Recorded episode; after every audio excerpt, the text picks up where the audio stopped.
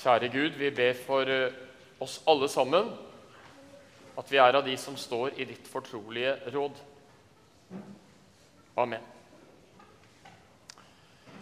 Vi skal lese preketeksten til søndagen i dag. Matteusevangeliet kapittel 7. Ta dere i vare for de falske profeter. De kommer til dere i saueham, men innvendig er de glupske ulver. På fruktene skal dere kjenne dem. Plukker man druer av tornebusker eller fiken av tisler? Et godt tre bærer god frukt. Et dårlig tre bærer dårlig frukt. Et godt tre kan ikke gi dårlig frukt, og et dårlig tre kan ikke gi god frukt. Hvert tre som bærer god frukt, blir hogget ned og kastet på ilden. Derfor skal dere kjenne dem på fruktene. Slik lyder Herrens ord.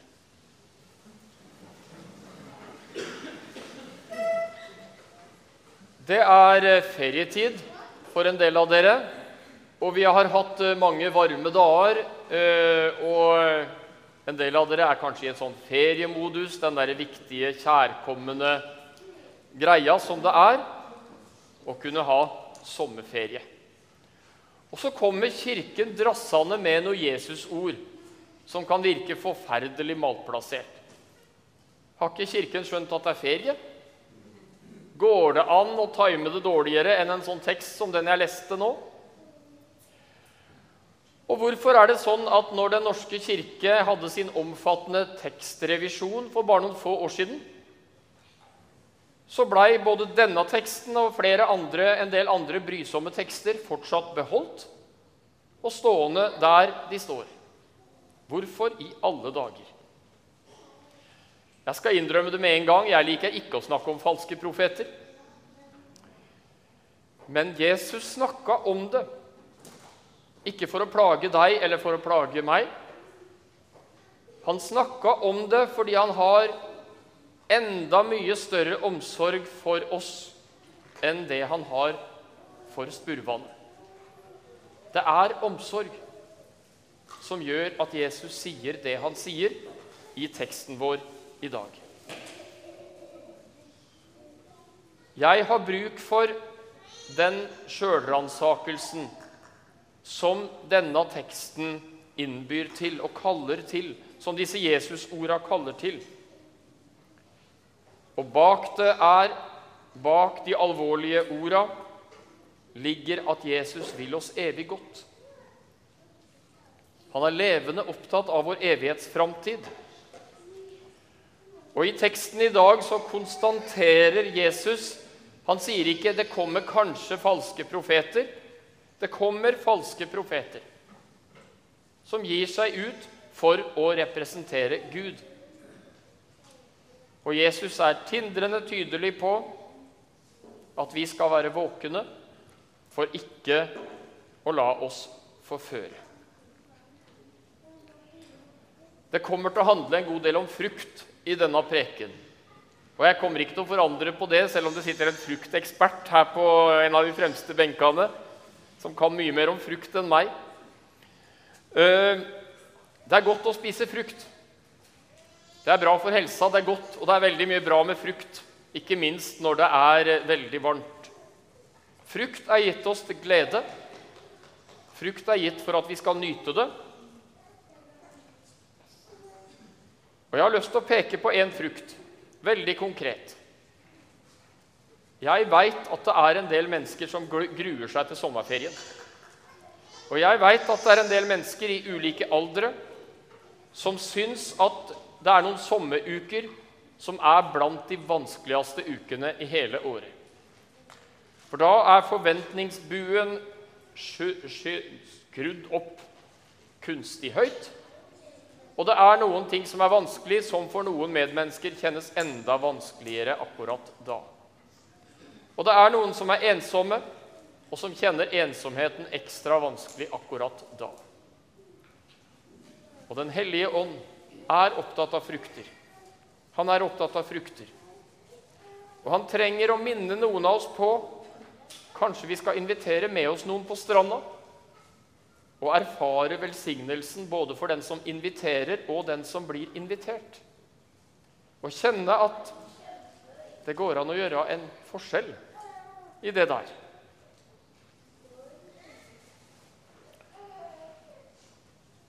Det står diverse tekster i Guds ord om betydningen av å forkynne sånn som Bibelen lærer. Det sammentagende Guds ord. Ta det på alvor og bøye seg for det, også der jeg er frista til å ikke ville bøye meg for det. Vi skal prøve forkynnelsens innhold på Bibelen. Akkurat i dag er ikke det først og fremst tema. For hvis vi legger nøye merke til hva Jesus faktisk sier, og hvis vi også legger nøye merke til settingen eller konteksten, så understreker den at det er en litt annen vektlegging når Jesus i denne teksten snakker om de falske profeter. Han snakker om 'legg merke til hvordan forkynneren lever'. Legg merke til om han som preker, lever sånn som han lærer. Det er fokuset i denne delen av bergprekenen. Og det forsterkes med et bilde litt i etterkant, hvor Jesus bruker det kjente bildet om huset bygd på sand, som rausa, eller huset som bygd på fjell, som ble stående. Det huset som blei bygd på fjell, det er den som lever etter mine ord. Det er den som gjør sånn som ordet lærer, tolker Jesus lignelsen sjøl i slutten av vårt kapittel. Vi skal lese litt fra apostelgjerningene 20. Vi gjør et lite, Det er kanskje litt for liten tekst eh, for en del av dere, men eh, hvis dere, ikke, dere som ikke klarer å lese det, ikke stress med å prøve. Eh, jeg kommer til å lese alt. Ta vare på dere selv og den hele jord, som Den hellige ånd har satt dere som tilsynsmenn for. Vær hyrder for Guds menighet, som han vant med sitt eget blod. For jeg vet at når jeg har dratt bort, vil glupske ulver trenge inn hos dere oss. De skåner ikke jorden. Og blant dere selv skal noen menn stå fram og fare med vrang lære for å trekke disiplene med seg. Våg derfor og husk at jeg natt og dag i tre år ikke holdt opp med å formane hver eneste en med tårer. Og nå overgir jeg dere til Gud og Hans nådeord, som Han oppbygger dere, som kan oppbygge dere og gi dere arven sammen med alle dem som er blitt helliget. Jeg har aldri vært ute etter sølv eller gull fra noen. Dere vet at med disse mine hender har jeg vært med og skaffet meg og mine medarbeidere det vi trengte. Sånn lød det der. Blant dere selv. Det er veldig lett å være opptatt av noen der ute blant dere selv, sa apostelen. Det er veldig lett, og det kan være en skummel snublestein. Noe galt i noen andre menigheter, noe galt med noen andre som mener noe annet enn meg. Blant dere selv. Det er noe av den derre ransakende først og fremst feie for egen dør som jeg tror vi skal rette søkelyset på i gudstjenesten her i dag. Og så i vers 31 av det som står eh, på Det har jeg ikke gula ut, men det har jeg gjort her i manuset mitt. Vers 31. Natt og dag i tre år holdt jeg ikke opp med å formane hver eneste av dere med tårer. Det er ganske ladede ord, er det ikke det? Det er noe annet enn en teknisk ekspedidering av sunn lære formane hver eneste av dere med tårer. Legg merke til kjærlighetens omsorg. Jeg kommer en god del tilbake til den i prekenene her i dag. det er frukt. Det er gode frukt som vi skal se etter. Det er gode frukter som vi skal se etter. Og så i vers 33, det har jeg gula ut, kanskje gula ut så mye at dere ikke klarer å lese det. Det var ikke hensikten. Jeg har aldri vært ute etter sølv eller gull eller klær fra noen. Det betyr også at en frukt vi skal bedømme etter, er er det sånn at lederen vår er ute etter å berike seg sjøl og skaffe seg private, personlige fordeler og misbruker sin stilling for å oppnå det? Det er en frukt som bør føre til at det lyser mange røde lamper. Som jeg allerede har vært inne på. Når vi leser en sånn tekst som Jesus har gitt oss i dag, så skal jeg stille meg spørsmålet hva med meg? Hva med meg innenfor den teksten der? Fokuset på andre må ikke bli en lettvint snarvei ute av Den hellige ånds ransakende blikk.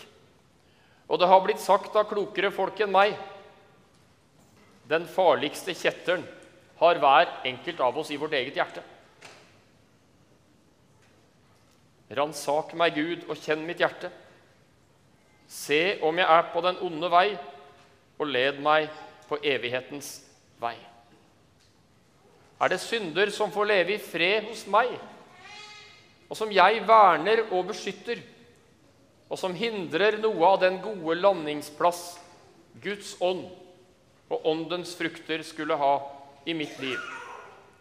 Det spørsmålet må ikke jeg gå raskt og lettvint forbi. Et godt tre kan ikke bære dårlig frukt. Heller ikke kan et dårlig tre bære god frukt. Kan vi få powerpoint nummer to? Eller tre, var det kanskje? Er noen av dere, nei, det var, den, det var den som var der. Jeg skulle ha de med eplene. Den der, ja. Er noen av dere barna som fikk veldig lyst på de eplene? Kan hende de er gode, men det ser ikke helt bra ut. Det er ikke god frukt. Frukten forteller oss noe om treet. Det er noe som er ikke helt som det skulle med det treet, hvis alle eplene ser sånn ut. Frukten forteller oss mye. Og så må vi være ærlige, du og jeg. Når vi undersøker våre liv, når jeg undersøker mitt liv, og når du undersøker ditt liv, så finner vi begge deler. Vi finner dårlig frukt, og vi finner gode frukter. Og det er bare én, det er bare ett menneske som har vært i nærheten av å bære bare fullgod frukt. Han gjorde det. Han gjør det. Jesus Kristus bærer god frukt, bar god frukt. Og det er i hans naglemerkede hender og det er i hans naglemerkede føtter vi finner den rota.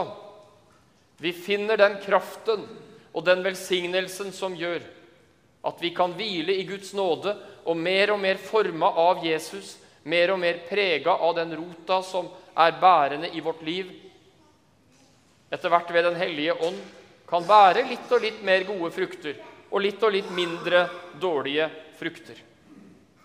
Vi skal bruke litt tid på Johannes 15.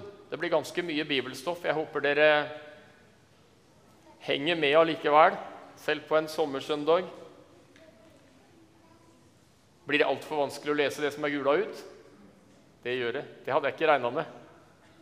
Da er det ikke mye hjelp av powerpointen, men ta det som det kommer. Johannes 15.: Bli i meg, så blir jeg i dere. Bli i Jesus, tett på Jesus, liksom greinen ikke kan bære frukt av seg selv, men bare når den blir i vintreet. Sånn kan heller ikke dere bære frukt uten at dere blir i meg. Legger du merke til det evangeliske i det å være frukt? Det er noe annet enn det kavete ta seg sammen-prosjektet for å prøve å tvinge fram eller prøve å late som fruktene av mitt liv er litt bedre enn de faktisk er. Bli i meg, så blir jeg i dere. Bare når dere er i vintreet Dere kan ikke bære frukt uten at dere blir i meg. Jeg er vintreet, dere er grenene. Den som blir i meg og jeg i ham, han bærer mye frukt. For uten meg kan dere intet gjøre. Fikk du med deg det? Det er ganske sentralt for å forstå teksten i dag. Johannes 15 om det å bære frukt. Om det å bære åndens frukter i våre liv. Den beste måten å avsløre falske profeter Den beste måten å ha nådegave til å prøve åndene i større eller mindre grad, det er ved å bli kjent med hyrden. Bli mer og mer kjent med den gode hyrden. Kjenne klangen i hans stemme, billedlig talt. Dette er typisk Jesus. Dette er typisk Ordet. Dette er typisk Ånden. Den beste beredskap er å kjenne hyrden. Jeg vet jeg har sagt det her før, men eh, som landbruksmann i bånn så liker jeg å ta fram en erfaring fra det gamle yrket som handler om at den beste ugrasbekjempelsen den er ved å stelle godt med nyttevekstene. Med kalking, grøfting, gjødsling og riktig sådybde, riktig jordbearbeiding. Stelle godt med de gode plantene. Da slipper ugraset mindre til. Sånn er det også i åndens verden. Få prioritere tid med hyrden, tid med han, ro med han, nærhet til han og hans barn. Da får de åndelige røtter bedre feste. Og vi blir ikke så lett et bytte for falske profeter og for den onde rota som befinner seg i mitt eget hjerte kjenne hyrden, bli forma og bli danna av ham. Det er en gave, det er en velsignelse, og det er en beskyttelse.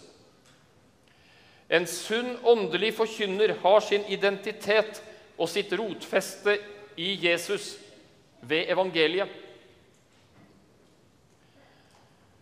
Jeg kommer nesten rett ifra Trøndelag ett døgn forsinka fordi det var en passasjer som knuste ei flyrute.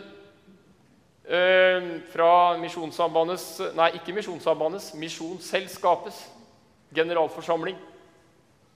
Noe av det som gjorde meg rørte meg dypest, det som rørte meg dypest under generalforsamlingen, var en biskop fra Egypt, biskop Thomas. Han kom rett fra Genéve, hvor han hadde vært på et annet møte. Hans vitnesbyrd fra en lidende, prøvet, kjempende kirke som bor tett innpå også ganske militante muslimer. Hans vitnesbyrd gikk langt inn i hjertet, og jeg sa det til henne etterpå. Jeg kjente meg skamfull for det var en stor, stort gap mellom hans vitnesbyrd og det som er mitt.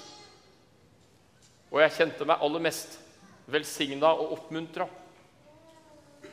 over å merke den tyngden og den gleden og den tryggheten i trua han ånda av midt i møtet med en virkelighet som er veldig, veldig annerledes enn den jeg erfarer.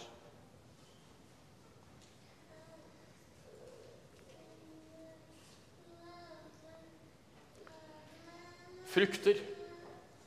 Det var ikke vanskelig å merke de gode fruktene. Det var ikke vanskelig å ane de gode fruktene. Og Gud kaller oss til å ha vår grunnidentitet. Ikke det å i oss servere løgn og bedrag, men i sannhet og redelighet og omsorg. Åndens frukter. Og Nå skal vi få en powerpoint Håper den er tydelig. Ser dere det som står på den? det er et tre. Jeg hadde tenkt jeg skulle hatt med et epletre, men pga. forsinka fly så fikk jeg ikke kjøpt et tre med frukter.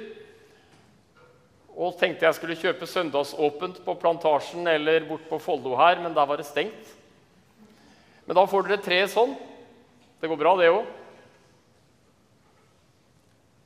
Dette er ikke noe mennesker har funnet på, men det er akkurat de fruktene Galaterbrevet kapittel 5 vers 22 nevner når den beskriver Den hellige ånds frukter. Og jeg tenker at det hører nøye sammen med den teksten Jesus har gitt oss i dag, om at vi skal kjenne falske profeter på deres frukter. Åndens frukt er kjærlighet. Åndens frukt er glede. Åndens frukt er godhet. Åndens frukt er trofasthet. Åndens frukt er selvbeherskelse. Åndens frukt er fred. Åndens frukt er overbærenhet. Åndens frukt er vennlighet. Dette kan dere barna skjønne. Sånne frukter vil Den hellige ånd skape i deg som barn. Du skal få være tett på Jesus, få synge barnesanger om Jesus og gjennom disse gode påfylla av Jesus så kan det bli litt flere av sånne frukter. Og litt mindre av sånne dårlige frukter som ikke er bra verken for deg eller for mamma og pappa. Legg merke til fruktene på det treet. Det er sånne frukter vi skal se etter, sier Jesus i dagens tekst når han skal lære oss noe om det å prøve åndene, om hva som er sunn kristendom. Se etter Jesus-fruktene. Kjenner jeg igjen Jesus i det der? Er det typisk Jesus, eller minner det om noe ganske annet? Og så tror jeg jeg skal driste meg til å hive meg utpå med et personlig vitnesbyrd som jeg egentlig ikke hadde lyst til å fortelle. Det er veldig ferskt. Seint i går kveld så eh, begynte Edel og jeg å hakke på hverandre. Og eh, til morgenen i dag så eh, lå det litt i lufta fortsatt. Og jeg syns jo det var mest hennes skyld. Det syns sikkert hun også om meg. Det var bare småting. Men det er ikke ofte sånn da, at det er ganske småting som gjør at vi kan hakke litt på dem vi er mest glad i. Eh, men jeg var ikke bedre enn at jeg tenkte at jeg skulle fortelle henne det før jeg dro, at jeg har sovet dårlig i natt. Så kunne jeg tenke litt på det i dag. Men så kom det opp en tanke. Er det åndens frukt? Er det i tråd med det du skal stå og preke om, Morten? Og jeg skjønte jo fort at det der var det ikke. Så jeg gikk tilbake og gjorde det annerledes, heldigvis. Jeg gikk tilbake og gjorde det helt annerledes. For åndens frukt er ikke sånn som jeg gjorde det først. Det er kjødets frukt. Det kom fra min onde rot. Det kom fra den rota som ikke er av Gud den han ikke ønsker skal vokse, den han ønsker ikke skal bli stor og sterk og folde seg ut til skade for meg og de som er rundt, i familien, i menigheten og nabolaget og bygda og det hele. Åndens frukt. På deres frukter skal dere kjenne dem, sa Jesus i teksten vår i dag. Ja, det er viktig, som jeg begynte med, å verne om den sunne lære. Og vi skal ta og stå i noen krevende tanker. Og den sunne menighet er en motstrøms menighet på en del områder. Men ikke sjelden gir den type engasjement seg utslag i et ukjærlig og kjødelig flisespikkeri, som gjør at skjøre mennesker ikke får den omsorgen fra Gud som de skulle ha. Og det er veldig fort i iveren etter å verne den sunne lære og tråkke på dyrebare menneskehjerter i sin misforståtte, om enn velmente iver etter å beskytte evangeliet mot falsk lære. Og Derfor vil jeg ta fram Johannes 10, Johannes evangeliet kapittel 10. Veldig mange bibelvers her nå i dag. Det er godt gjort om dere klarer å henge med. Johannes evangeliet kapittel 10. Jeg er porten. Den som går inn gjennom meg, skal bli frelst, og fritt gå inn og ut og finne beite. Fritt gå inn og ut og finne beite. Det frie, trygge barn, lærer Jesus i Johannes 10. Tyven kommer bare for å stjele, drepe og ødelegge. Hva har Jesus kommet for? Jo, jeg er kommet for at dere skal ha liv og overflod. Legger du merke til omsorgen i det her? Jeg er kommet for at du skal ha liv og overflod, barnet mitt. Og så fortsetter Jesus. Vi er fortsatt i Johannes 10. Jeg er den gode gjeteren. Den gode gjeteren gir livet sitt for sauene. Men den som er leiekar og ikke gjeter, og som selv ikke eier sauene, han forlater dem og flykter når han ser ulven komme. Og ulven kaster seg over dem og sprer flokken. Legger du merke til hvordan undervisningen her om forskjellen på den gode hyrde og leiesvennen først og fremst er omsorgen i ord og i handling? Omsorgen. Det er typisk for den gode hyrde. Og det er typisk for gode hyrder. Det er typisk ulven å spre flokken. Det er typisk hyrden å samle.